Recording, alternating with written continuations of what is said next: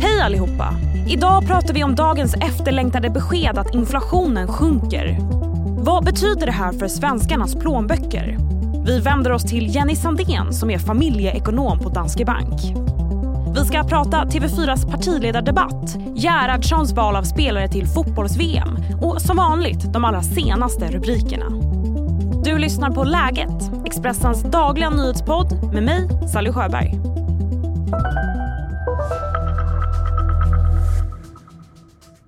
Vi börjar med att berätta att fler människor än någonsin befinner sig på flykt i världen. Under 2022 tvingades över 108 miljoner att lämna sina hem. Det här enligt nya beräkningar från FN. Den tydligaste anledningen till ökningen är Rysslands invasionskrig av Ukraina. 200 personer kan av misstag ha smittats med syfilis. Det rapporterar SVT Uppsala. Smittskyddsenheten i regionen uppmanar nu patienter att testa sig för sjukdomen. Syfilis klassas som en allmänfarlig sjukdom enligt smittskyddslagen och från att ha varit i stort sett obefintlig i Sverige har den nu ökat kraftigt de senaste åren. Det är ännu inte känt vilken mottagning det rör sig om. Vi går vidare till USAs ex-president Donald Trump som befinner sig mitt i en historisk rättsprocess. Han misstänks för att ha förvarat mängder med hemligstämplade regeringsdokument i sin bostad. Någonting han nekade till i sitt första möte med pressen efter att ha ställts inför rätta. Sitting president had his top political opponent arrested on fake and fabricated charges of which he and numerous other presidents would be guilty. Right in the middle of a presidential election in which he is losing very badly. Nu till ett efterlängtat besked gällande inflationen.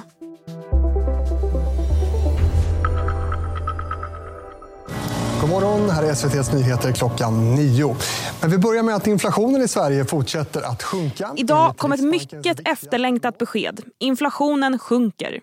Färsk statistik från SCB visar att inflationssiffrorna fortsätter neråt och landar på 9,7 procent för maj, mätt som KPI. Jag har nu ringt upp Jenny Sandén som är familjeekonom på Danske Bank. Du har chattat med Expressens läsare här under morgonen sedan beskedet kom. Jenny, hur har intresset sett ut? Ja, men det är ett otroligt stort intresse och det kommer ju alltid in väldigt mycket frågor kring hur man ska agera, hur man ska tänka, vad som händer med bolåneräntorna. Eh, så det är väldigt mycket frågor och jag försöker så mycket jag kan svara på de som kommer in för det här är ju ett hett ämne naturligtvis för allas plånböcker. Vad betyder det att inflationen sjunker? Det är en otroligt positiv signal att nu har vi nog nått toppen på inflationen. De här räntehöjningarna som Riksbanken har gjort som har varit både eh, höga och många, de börjar eh, ge effekt på att eh, bekämpa inflationen neråt. Så det är väldigt, väldigt positivt. Vi vågar inte riktigt hoppas på det där i förra inflationsprognosen, men då såg vi att den vek ner. Nu kan vi då konstatera att vi har troligtvis nått toppen och är på väg ner. Så det är väldigt, väldigt positiva nyheter. Och hur på påverkas vi då vanliga dödliga av det här? Kommer jag märka det i min vardag att inflationen sjunker? Ja, inte att den sjunker så lite som den har sjunkit nu. Eh, det kommer inte påverka eh, oss privatpersoner speciellt mycket eller plånboken speciellt mycket. Vi ska ner till en låg, stabil, långsiktig, alltså långsiktigt låg, stabil inflation för att vi ska kunna se en större effekt, det vill säga att vi börjar se räntesänkningar i marknaden. Vi tror ju fortfarande då på, jag menar Danske Banks prognos visar fortfarande på att Riksbanken behöver höja ungefär ytterligare 25 punkter i juni och kanske till och med 25 punkter i september.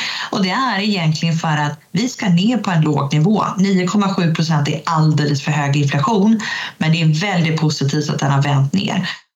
Är det så att det kan bli ännu värre för hushållen under ett tag och, och sen bli bättre?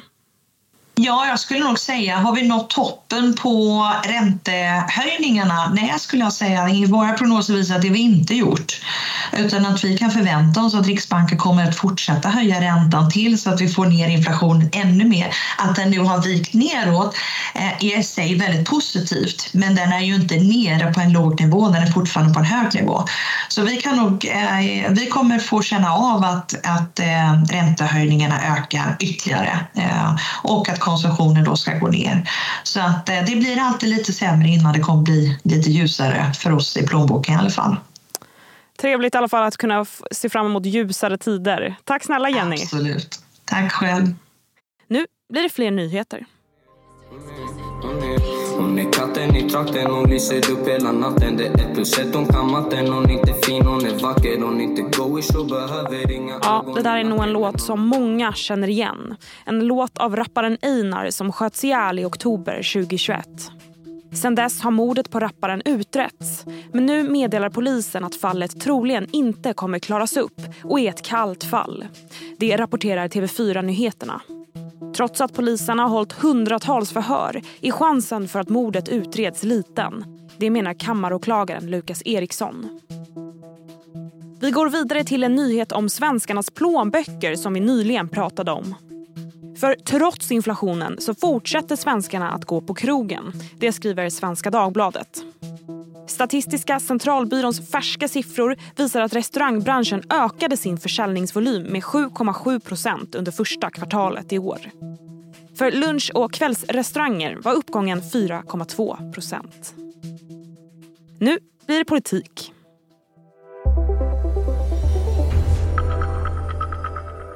De politiska debatterna har avlöst varandra det senaste dygnet. Igår kväll drabbade partiledarna samman i TV4 och idag var det dags för riksdagsdebatt.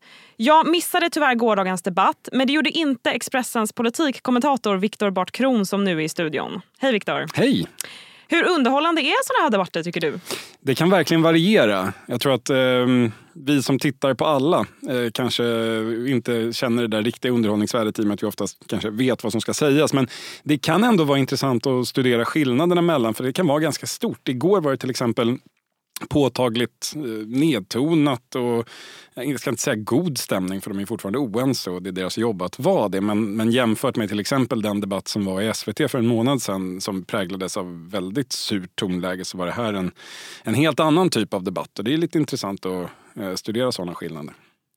Ja, och jag tänker vi ska gå in på det alldeles strax men det pågår faktiskt en debatt just nu i riksdagen när vi spelar Ja. in det här. Vad En har, till. Ja, en till. Precis. Vad har stuckit ut hittills? Eh, det som är lite påtagligt tycker jag, om man jämför, det är ju så att i riksdagsdebatten så är det partierna själva som väljer vad de tar upp. Det är ingen det är inget mediehus som sitter och delar ut ämnen som man ska prata om. Och eh, då kan man notera att det blev betydligt mycket mer om eh, Ukraina, om det säkerhetspolitiska läget, om Nato, om EU för den delen. Ibland så anklagas ju eh, politikerna lite svepande för att vara navelskådande och inte eh, titta ut i världen. Men frågan är om det verkligen är politikernas fel eller om det är medier som envisas med att ställa frågor som inte har med världen att göra. Eh, en liten notering, för det var väldigt lite utrikespolitik igår eh, och väldigt mycket idag. Vi går till TV4s debatt igår. Då. Eh, du noterade som du nämnde här att det var ovanligt lugnt på debatten. Ja, alltså det har varit en ganska hetsig vår i politiken. Du var inne på det. Det, det kanske egentligen inte har varit så jätteavgrundsdjupa skillnader i stora sakfrågor. Men däremot så har ju stämningen varit väldigt, väldigt sur. Alltså, eh, då, som nämnt i den här partiledardebatten som var i SVT för en månad sedan, där var det väldigt mycket så. Alltså Magdalena Andersson har ju anklagat regeringen för att hota demokratin och vilja driva Sverige i en totalitär riktning. Då har högersidan blivit mycket upprörd och försökt utmåla Magdalena Andersson som någon slags socialdemokratisk version av Donald Trump och sådär. Kanske har bägge sidor dragit slutsatsen att det här inte funkar så bra. Att det, folk kanske inte tycker att den här typen av konflikter är särskilt intressanta att lyssna på. Här var det ett betydligt lugnare tonläge och det var mer fokuserat på det som ändå skiljer i sak och inte bara i, i former. Men var finns konflikten då? Ja, det är lite intressant för den här debatten i TV4, liksom den idag också ska sägas, eh, präglades ju eh, eh, av förklarliga skäl mycket av den våldsvåg som vi har sett eh, nu senaste helgen men tyvärr också ganska länge innan det.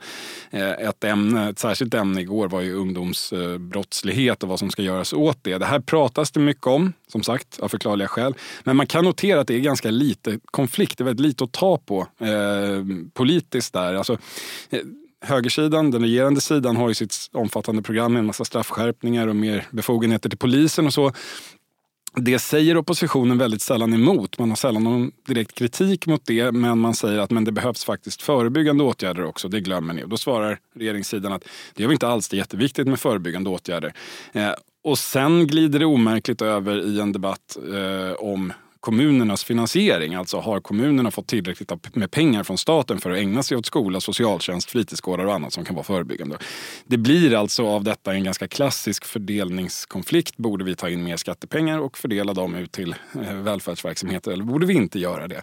Eh, och det är lite intressant att den egentliga sakkonflikten som ändå är ganska central den här våren är ganska långt ifrån frågan om några dragqueens på bibliotek eller eh, hot mot demokratin eller så, eller vad det nu är som har farit runt. Utan den konkreta konflikten är, är ganska klassiskt höger-vänster skulle man kunna säga. Men var det någon person som stack ut igår?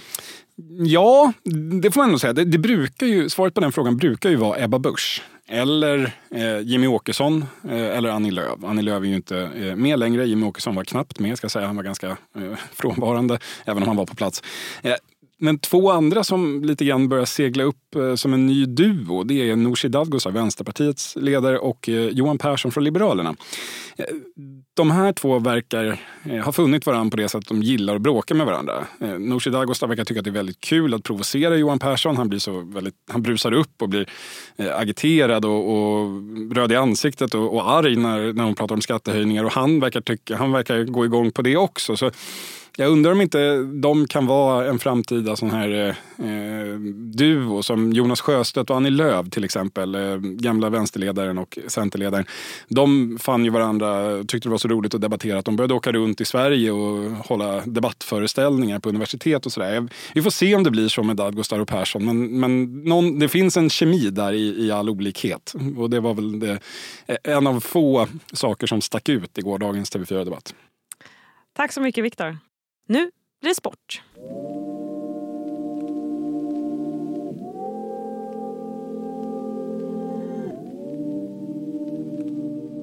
Ja, målvakter då. Mm, följande tre har vi tagit ut. Eh, Tove Enblom, KIF Örebro. Jennifer Falk, BK Häcken. Cecilia Musovic, Chelsea. Igår fick vi veta vilka som kommer fightas för VM-titeln i fotboll i sommar. Med på listan står exempelvis Caroline Seger, trots en skada. Medan den rutinerade målvakten Hedvig Lindahl blir utan VM-plats. Jag har nu fångat Frida Olsson, reporter på Expressens sportredaktion för att veta mer om det här. Frida, först, din spontana reaktion på VM-truppen? Lite Peter Gerhardsson-varning på den här truppen får man väl ändå lov att säga. Det var ganska väntat men ändå oväntat sett till förväntningarna inför skulle jag säga. Och som jag sa, Caroline Seger är med trots att hon är skadad. Hur motiverar Gerhardsson det här?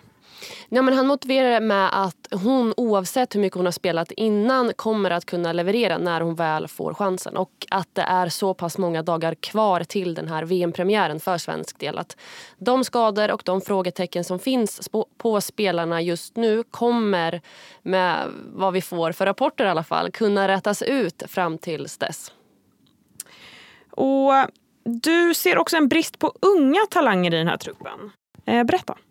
Ja, men om man tittar på backsidan så är det ju två debutanter, i Hanna Lundqvist och Anna Sandberg, vilket är väldigt roligt och de har absolut förtjänat sin plats.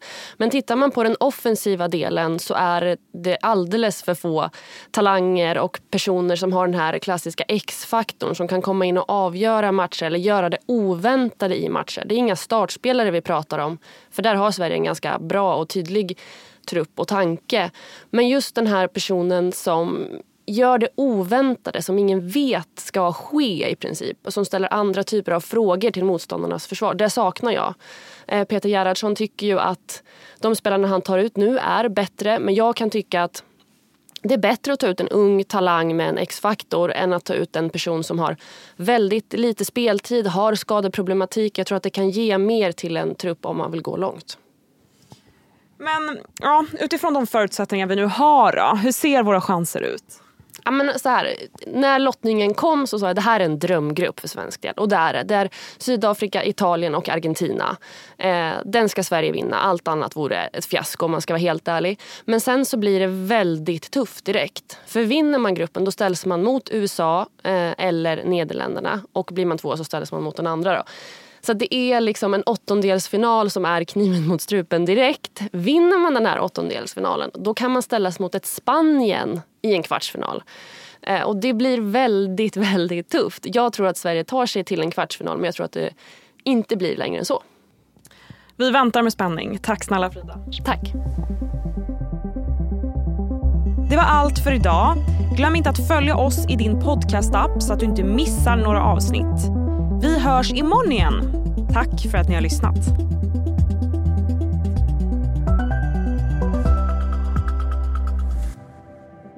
Du har lyssnat på en podcast från Expressen. Ansvarig utgivare Klas Granström